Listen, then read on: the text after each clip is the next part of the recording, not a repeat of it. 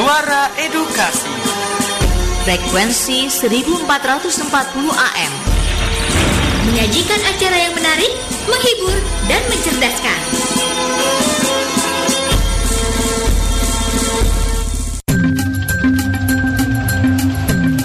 Sahabat edukasi, tahukah kamu bahwa tidak semua ikan di laut bernafas dengan insang? Contohnya ikan paus yang bernafas dengan paru-paru.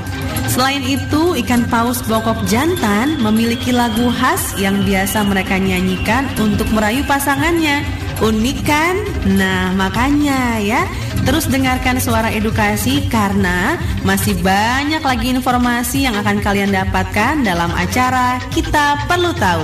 Hanya di 1440 AM Suara Edukasi yang akrab dan mencerdaskan. Kita perlu tahu. Kita perlu tahu. Kita perlu tahu. Kita perlu tahu. Kita perlu tahu. Kita perlu tahu. Assalamualaikum warahmatullahi wabarakatuh Halo Sobat Dikasih apa kabar di hari baik ini kembali berjumpa bersama Charlie dalam program Kita Perlu Tahu Sebuah program yang akan mengulas pengetahuan populer Sobat Dikasih ya Nah Sobat Dikasih seperti biasa kita perlu tahu Charlie juga membuka bagi Sobat Dikasih yang ingin bergabung Baik request lagu, kirim salam, ataupun berkomentar Sobat Dikasih ya tentang topik yang kita bahas hari ini Silahkan kamu bisa langsung WhatsApp ke nomor 0813-2526-1440. Sekali lagi 0813-2526-1440. Dan jangan lupa sobat dikasih ya, kamu juga bisa untuk mengakses streaming suara edukasi. Caranya, kamu tinggal kunjungi saja website suaraedukasi.kemdikbud.go.id atau kamu juga bisa mengunduh aplikasi TV edukasi yang tersedia di Play Store dan juga App Store. Jangan lupa Sobat Edukasi, kamu juga bisa nih mendengarkan atau menikmati podcast Suara Edukasi. Adanya di mana Sobat Edukasi? Ada di aplikasi Spotify. Jadi silakan kamu bisa unduh aplikasi Spotify di gadget kamu ya. Nah, Sobat Edukasi, edisi kita perlu hari ini kita akan membahas sebuah suatu kebudayaan yang sudah mengakar di Indonesia Sobat Edukasi, yaitu adalah gotong royong. Ya namanya gotong royong tentunya ini harus ada dalam kehidupan bermasyarakat di Indonesia Sobat Dikasih ya. Setuju ya. Nah Sobat Dikasih, tapi tahukah Sobat Dikasih, gotong royong itu pengertiannya apa sih? Nah, jadi ada beberapa nih menurut para ahli Sobat Dikasih, seperti menurut ahli yaitu Kujaran Ningrat Sobat Dikasih. Ia mengatakan bahwa budaya gotong royong ini juga dikenal oleh masyarakat Indonesia dapat dikategorikan ke dalam dua jenis Sobat Dikasih ya, yakni gotong royong menolong dan gotong royong kerja bakti sobat dikasih. Jadi, gotong royong bukan sepenuhnya mengenai bekerja bakti aja, namun dalam bentuk saling tolong-menolong juga merupakan salah satu contoh dari suatu budaya gotong royong. Nah, kalau sobat dikasih sudah melakukan hal tersebut, berarti sudah melakukan budaya gotong royong sobat dikasih ya. Nah, jadi budaya gotong royong ini uh, dapat dirasakan pada saat saling tolong-menolong dan itu pun bisa dalam bentuk kegiatan pertanian, kegiatan sekitar rumah tangga, kegiatan pesta, kegiatan perayaan, ataupun pada peristiwa bencana ataupun dalam peristiwa suatu hal yang darurat sobat dikasih ya, seperti pada saat COVID-19 saat ini sobat dikasih ya. Jadi yang namanya gotong royong itu memang sudah diharuskan dalam budaya masyarakat Indonesia. Unsur-unsurnya pun beragam sobat dikasih ya, unsur-unsur dari gotong royong. Yang pertama, suatu usaha atau suatu kegiatan kerja yang dilakukan secara bersama-sama. Terus unsur lainnya, setiap orang akan berpartisipasi sesuai dengan kemampuannya. Dan ada pula yang coba dikasih unsur lainnya berdasarkan pada keikhlasan dan sukarela, tanpa pamrih atau tanpa imbalan balas jasa. Dan unsur lainnya juga dikatakan bermanfaat juga bagi kepentingan bersama. Itu saya dikasih ya, jadi ada unsur gotong royong. Nah, setelah ini saya dikasih, saya akan kembali lagi dengan membahas gotong royong, bagaimana sih uh, gotong royong di setiap daerah di Indonesia ini unik saya dikasih. Jadi ada istilah gotong royong dari berbagai daerah di Indonesia. Nanti kita akan bahas tetap bersama Charlie hanya di suara dikasih akrab dan juga mencerdaskan.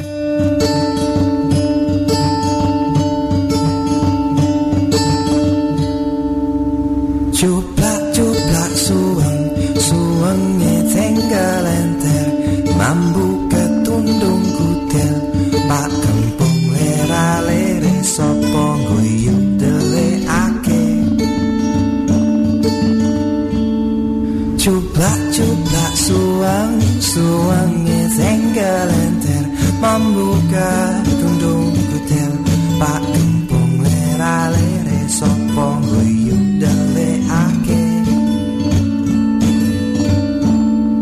Serpong the Lake or some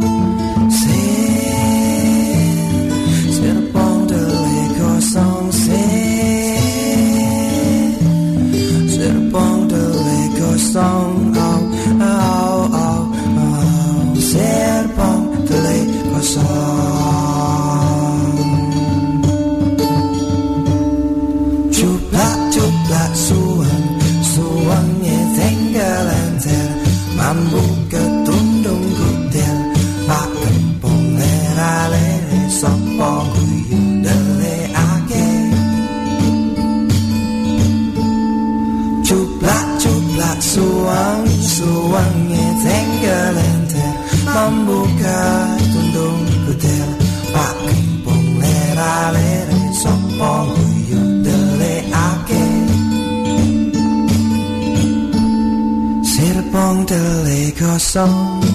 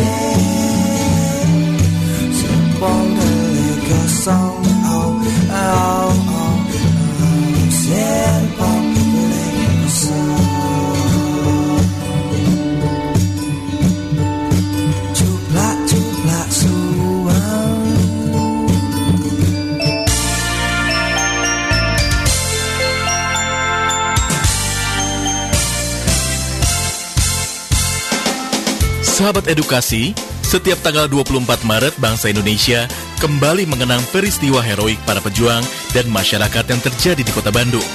Peristiwa tersebut yaitu Bandung Lautan Api.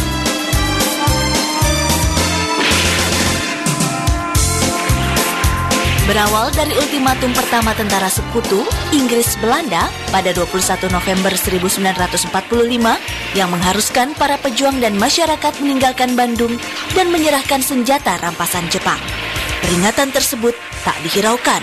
Para pejuang memilih bertempur bertahan. Namun persenjataan yang tidak memadai memaksa Bandung bagian utara jatuh ke tangan sekutu.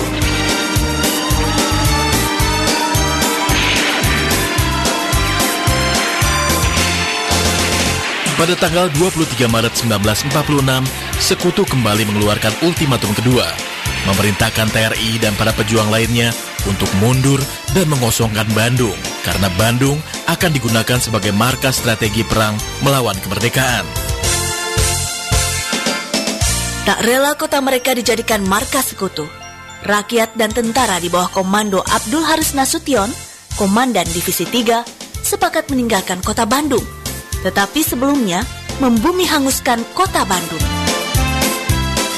Dalam waktu tujuh jam, pembakaran kota terjadi. Para penduduk rela membakar dan meninggalkan rumah dan harta benda lainnya. Akhirnya, tentara dan ribuan penduduk bergerak meninggalkan kota menuju selatan. Namun demikian, tentara Republik Indonesia terus melakukan perlawanan secara gerilya dari luar Bandung.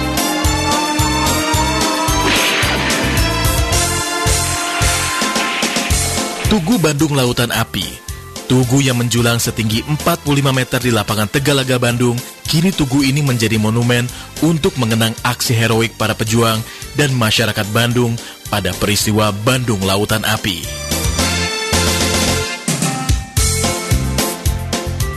Begitu besar pengorbanan para pejuang bersama rakyat Indonesia pada masa lalu dalam menegakkan kedaulatan dan menjaga keutuhan negara.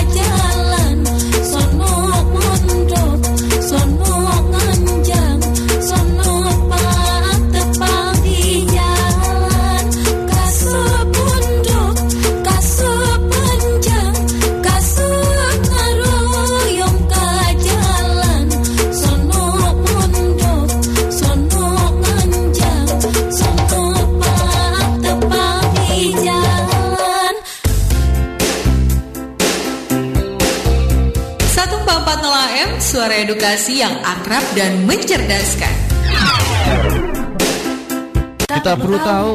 Kita perlu tahu. Kita perlu tahu. Kita perlu tahu. Kita perlu tahu. Kita Kita perlu tahu. Terima kasih bagi saudara dikasih yang tetap mendengarkan suara dikasih akrab juga menjelaskan baik melalui streamingnya ataupun melalui aplikasi TV Edukasi saudara dikasih ya. Nah saudara dikasih kita kembali membahas yaitu adalah gotong royong. Wah ini sangat harus saudara dikasih ya. Sangat diharuskan gotong royong itu ada dalam kehidupan kita. Benar nggak saudara dikasih? Bagaimana kalau kita hidup sendiri saudara dikasih tanpa bantuan orang lain ya, tanpa adanya suatu rasa saling tolong menolong? Pasti hampa banget saudara dikasih ya. Nah saudara dikasih, tentunya Indonesia ini yang namanya gotong royong ini sudah membudaya sejak dahulu kala saudara dikasih ya. Jadi gotong royong pun ini menurut Kamus Besar Bahasa Indonesia atau KBBI artinya adalah bekerja sama atau tolong menolong memba- saling membantu bantu ya saudara dikasih ya. Dan gotong royong ini sudah menjadi tradisi masyarakat Indonesia sejak zaman dahulu. Budaya gotong royong pun ini benar-benar hidup dan menjadi tulang punggung kehidupan bermasyarakat di Indonesia. Itulah mengapa istilah gotong royong dikatakan membumi ya. Jadi kalau kata seorang pelopor kajian filsafat Indonesia sekaligus guru besar filsafat Universitas Indonesia yaitu adalah Muhammad Nasrun, dia mengatakan bahwa gotong royong merupakan salah satu dasar filsafat Indonesia. Wah, setuju banget saudara dikasih ya.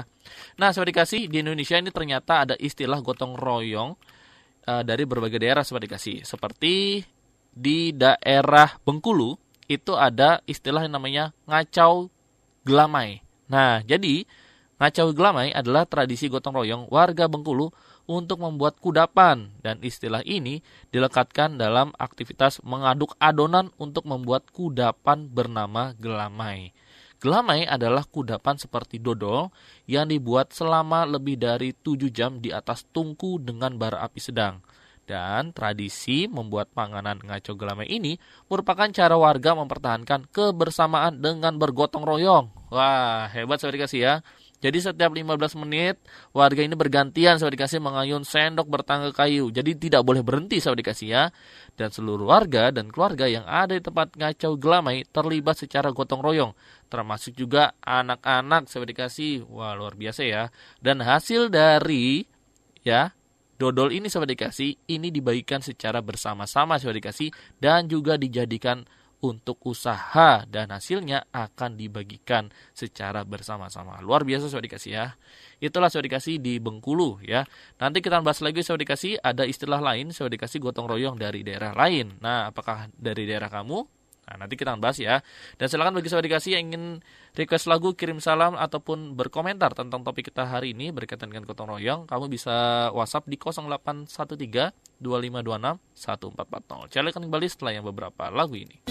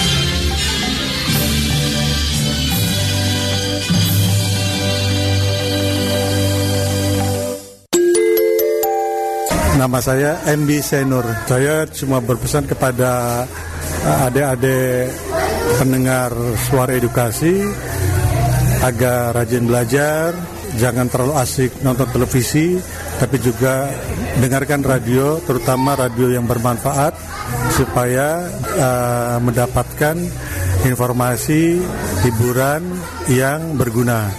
Dan itu adalah uh, radio yang salah satunya di suara edukasi ini. Selamat mendengarkan.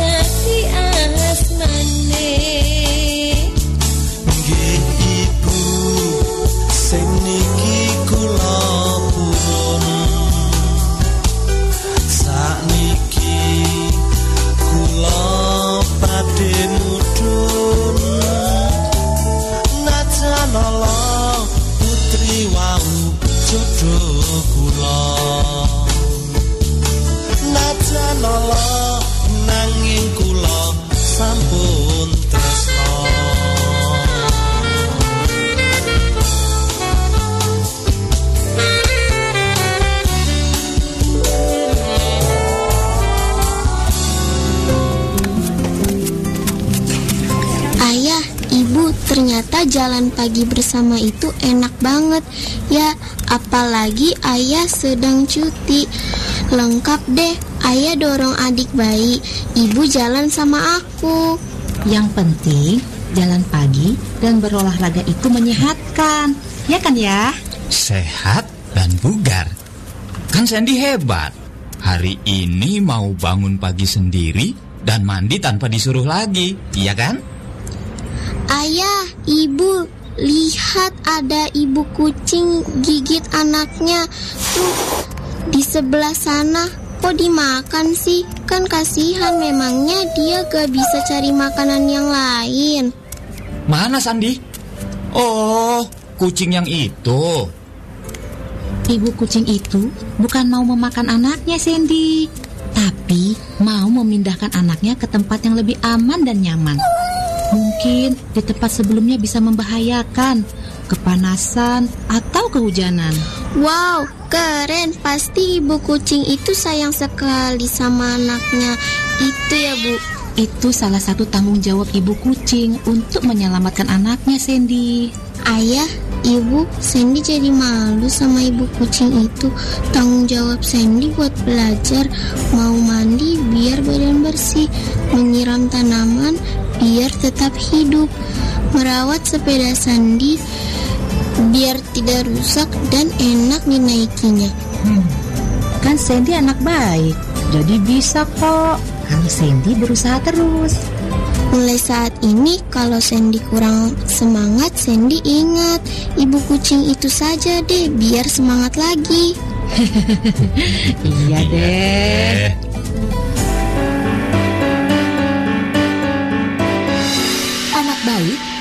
Ayah dan ibu serta guru kalian memberikan tugas, itu adalah dalam rangka memupuk rasa tanggung jawab dan mengenal hak atau kewajiban yang telah dibebankan. Ayo, anak baik tak lupa tanggung jawabnya.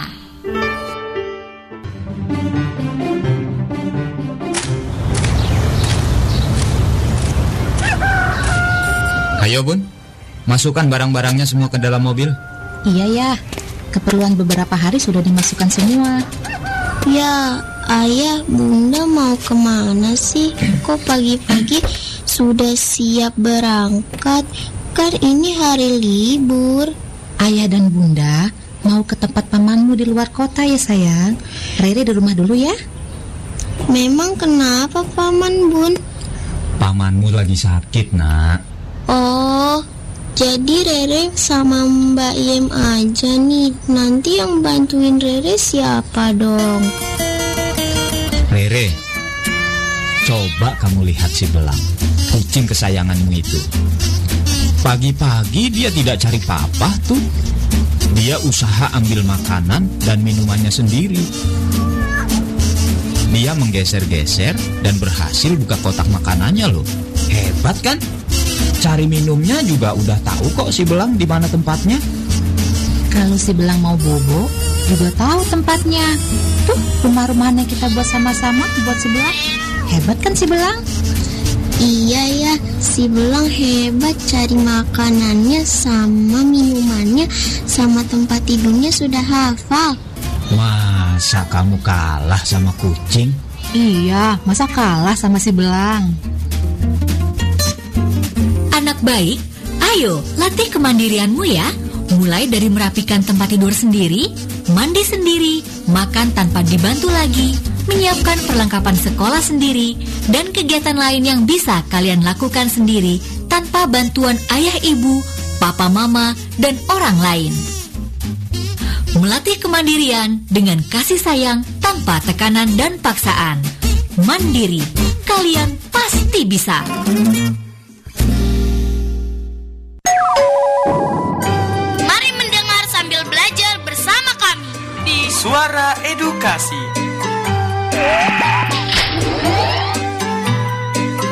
Kita perlu tahu. Kita perlu tahu. Kita perlu tahu. Kita perlu tahu. Kita perlu tahu. Kita perlu tahu. Kembali sahabat dikasih masih bersama Charlie di program Kita Perlu Tahu sahabat dikasih ya. Nah silakan bagi kamu sahabat dikasih ingin request lagu ataupun kirim salam dan juga beropini tentang topik kita edisi kali ini tentang gotong royong, kamu bisa langsung WhatsApp ke nomor 0813 2526 1440 sahabat dikasih ya. Nah sahabat dikasih kita lanjutkan pembahasan kita yaitu mengenai gotong royong sahabat dikasih. Jadi ada istilah lain eh, gotong royong dari berbagai daerah di Indonesia saya dikasih ya. Sebelumnya itu ada ngacau gelamai dari Bengkulu. Selanjutnya saya dikasih ada istilah gotong royong dari daerah Sumatera Utara yaitu di masyarakat Mandailing yaitu adalah Marsi Alapari. Nah, namanya agak unik saya dikasih ya. Jadi ada istilah gotong royong yang bernama Marsia Lapari. Jadi Marsia Lapari ini merupakan budaya lokal yang dimiliki oleh masyarakat Mandailing, Sumatera Utara. Dalam pengelolaan sawah atau kebun mereka, ini mereka menyebutnya adalah Marsia Lapari. Marsia Lapari ini berasal dari dua suku kata, yaitu alap atau panggil dan juga ari atau hari. Kemudian ditambah kata awalan mar yang berarti saling. Sementara si adalah kata sambung yang kemudian menjadi kata Marsia Lapari yang dapat diartikan sebagai saling menjemput hari. Wow, luar biasa ya pengertiannya. Marsial Pari ini oleh masyarakat Mandaling dikenal sebagai suatu kegiatan tolong-menolong dan gotong royong, di mana pada saat itu masyarakat Mandaling secara sukarela dengan rasa gembira saling tolong-menolong atau membantu saudara mereka yang membutuhkan bantuan, yang biasanya dilakukan di sawah ataupun di kebun loh sahabat dikasih ya. Ini cukup menarik juga sahabat dikasih ya dan juga bisa menjadi contoh bagi masyarakat Indonesia lainnya. Ada Marsial Pari. Kalau di daerah kamu ada apa sahabat dikasih? Silakan ya kamu bisa WhatsApp ke Charlie ke suara dikasih di 0813 2526 1440. Nanti saya akan kembali lagi suara dikasih dengan pembahasan yang akan menarik. Jadi tetap di suara dikasih akrab dan mencerdaskan.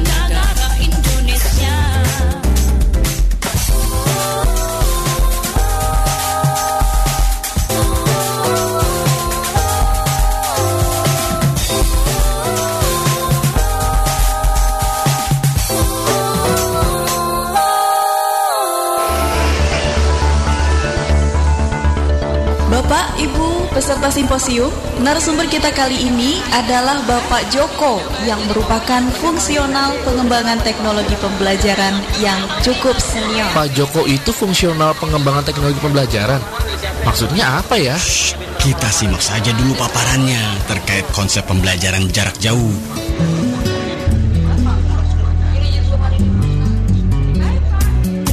Wah, konsep yang dijelaskan oleh Pak Joko bagus dan sangat bisa diterapkan di kantor kita tuh.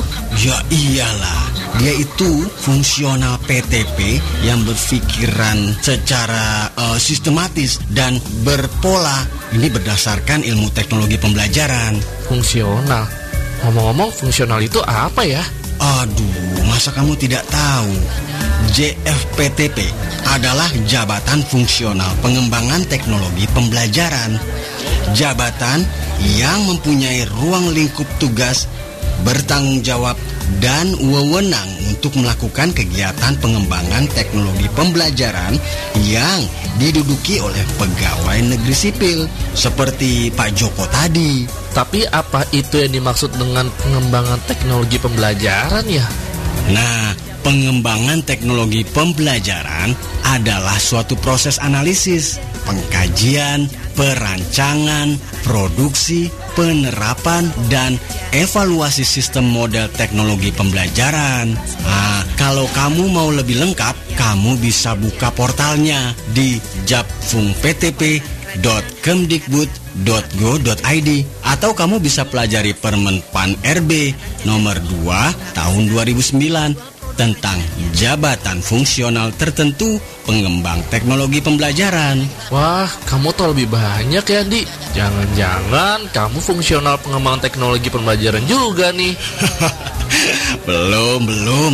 Saya sendiri sedang mempelajari jabatan tersebut. Kebetulan ada Permen PAN RB nomor 26 tahun 2016 tentang pengangkatan pegawai negeri sipil dalam jabatan fungsional melalui penyesuaian atau in passing. Nah, salah satunya adalah jabatan ini. Oh, begitu.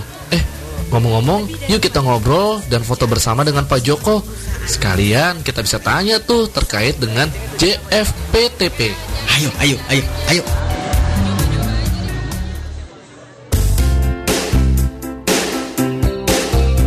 Satu empat AM, suara edukasi yang akrab dan mencerdaskan. Kita perlu tahu. Kita perlu tahu. Kita perlu tahu. Kita perlu tahu. Kita perlu tahu.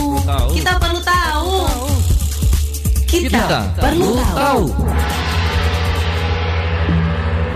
Siaran langsung dari lantai 2 Gedung Geraha Media Pusdatin Ciputat Banten, sorry kasih ya. Masih bersama Charlie tentunya di program Kita Perlu Tahu persembahan dari Radio Suara Edukasi Akrab dan juga mencerdaskan. Dan sorry kasih kita masih membahas yaitu mengenai budaya gotong royong sobat dikasih ya. Nah sobat dikasih di tengah covid kali ini sobat dikasih tentunya kita tetap harus menerapkan namanya budaya gotong royong. Setuju sobat dikasih ya? Karena dengan adanya budaya gotong royong tentunya semua permasalahan dapat diselesaikan secara bersama-sama.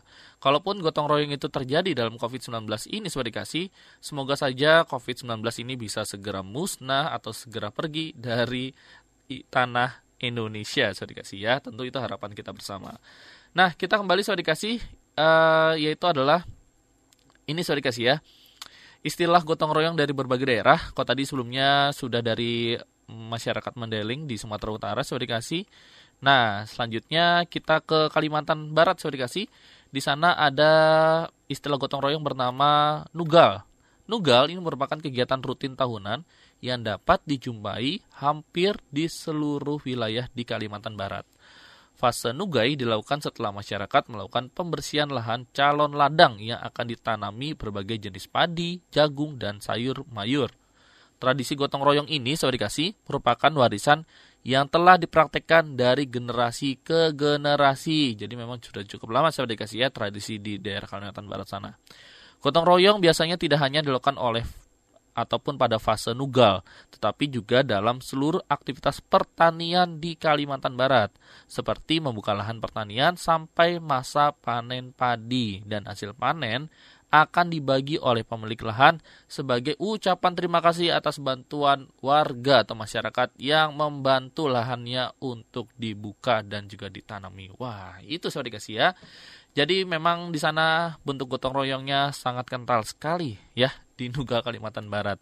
Nanti kita bahas lagi sudah dikasih untuk informasi yang lebih menarik untuk kita bahas. Jadi tetap bersama Charlie hanya di suara dikasih akrab dan mencerdaskan.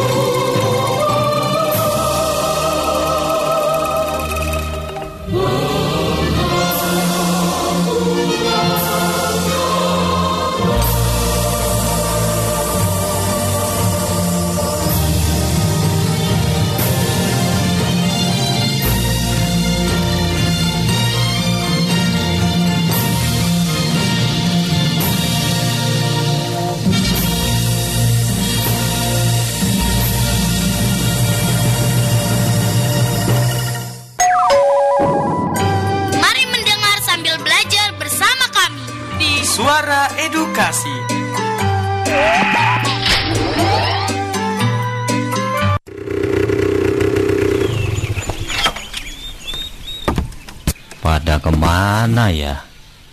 Kok sepi?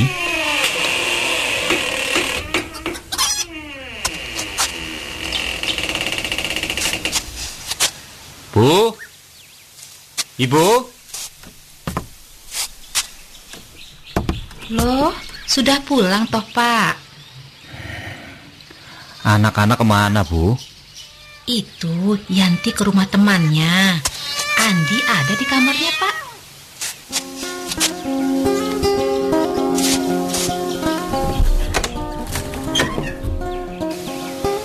Pak, boleh pinjam motornya ya Pak? Mau ke rumah Adi di kampung sebelah Pak. Ada urusan penting nih Pak. Andi mau ngambil buku yang dipinjam Adi. Boleh ya Pak? Jangan. Kamu kan masih 13 tahun. Belum boleh mengendarai sepeda motor. Tenang Pak, Andi kan udah jago naik motor. Lagian cuma ke kampung sebelah kok Pak. Nah, sudah-sudah. Bapak mau istirahat dulu. Pokoknya tidak boleh. Berbahaya. Kamu belum cukup umur dan belum punya SIM. Lagi pula usia kamu itu belum bisa mengontrol laju kendaraan dengan baik, Andi.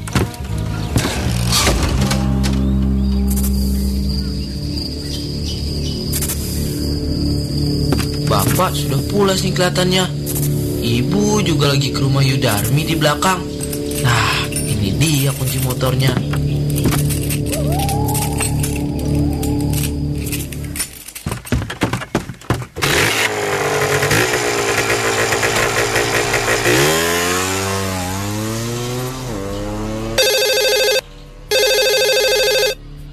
Halo?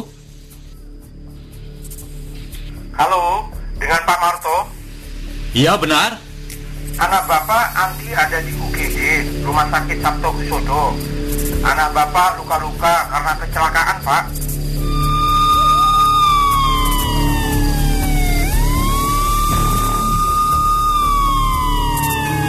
Bukan soal jago atau tidak mengendarai sepeda motor. Tingginya kecelakaan lalu lintas, salah satunya disebabkan oleh ulah para remaja di bawah 17 tahun yang mengendarai kendaraan secara serampangan. Padahal Undang-Undang Nomor 22 Tahun 2009 tentang lalu lintas dan angkutan jalan menegaskan mereka yang boleh mengendarai mobil atau motor minimal telah berusia 17 tahun.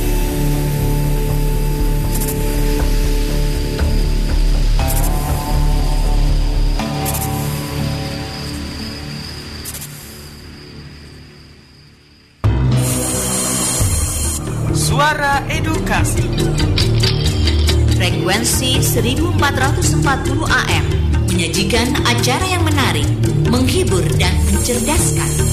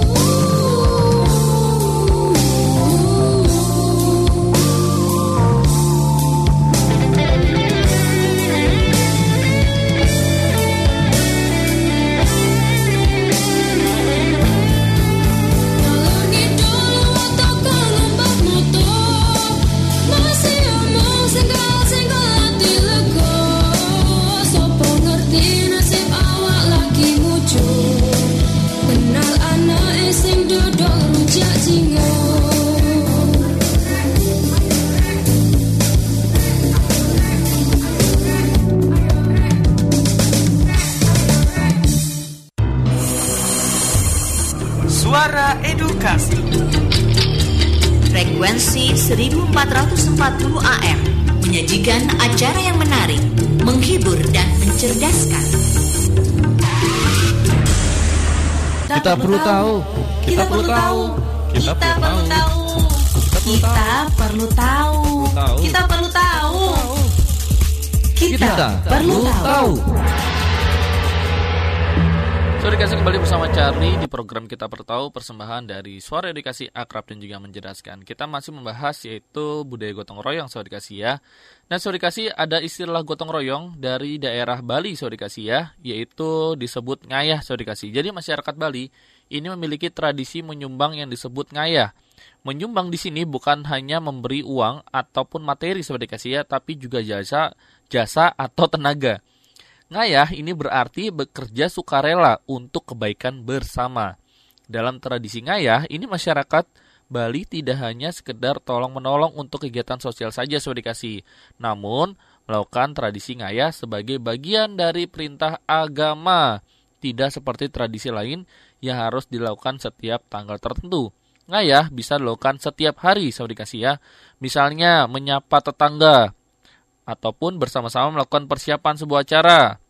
Selain itu, ada pula dilakukan dalam bentuk latihan menari atau membantu tetangga yang kesulitan. Jadi kegiatan-kegiatan seperti ini termasuk dalam tradisi ngayah saudara dikasih ya. Ini bisa menjadi contoh saudara bagi sahabat dikasih ketika di rumah saudara ya. Tetap menyapa tetangga, memberikan senyuman saudara dikasih ya seperti dalam tradisi ngayah ini saudara dikasih. Dan saling membantu sesama tetangga ataupun sesama saudara kita. Wah, ini suatu hal kebersamaan yang sangat indah sekali saudara dikasih ya.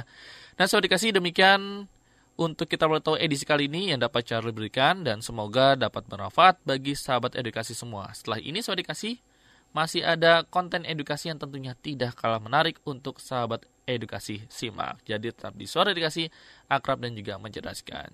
Charlie pamit undur diri. Wassalamualaikum warahmatullahi wabarakatuh. Sampai jumpa.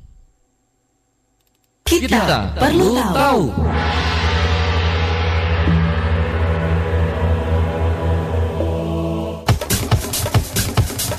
dipersembahkan oleh Suara Edukasi. Demikian tadi sajian acara Kita Perlu Tahu. Semoga bermanfaat. Simak dan dengarkan terus Suara Edukasi.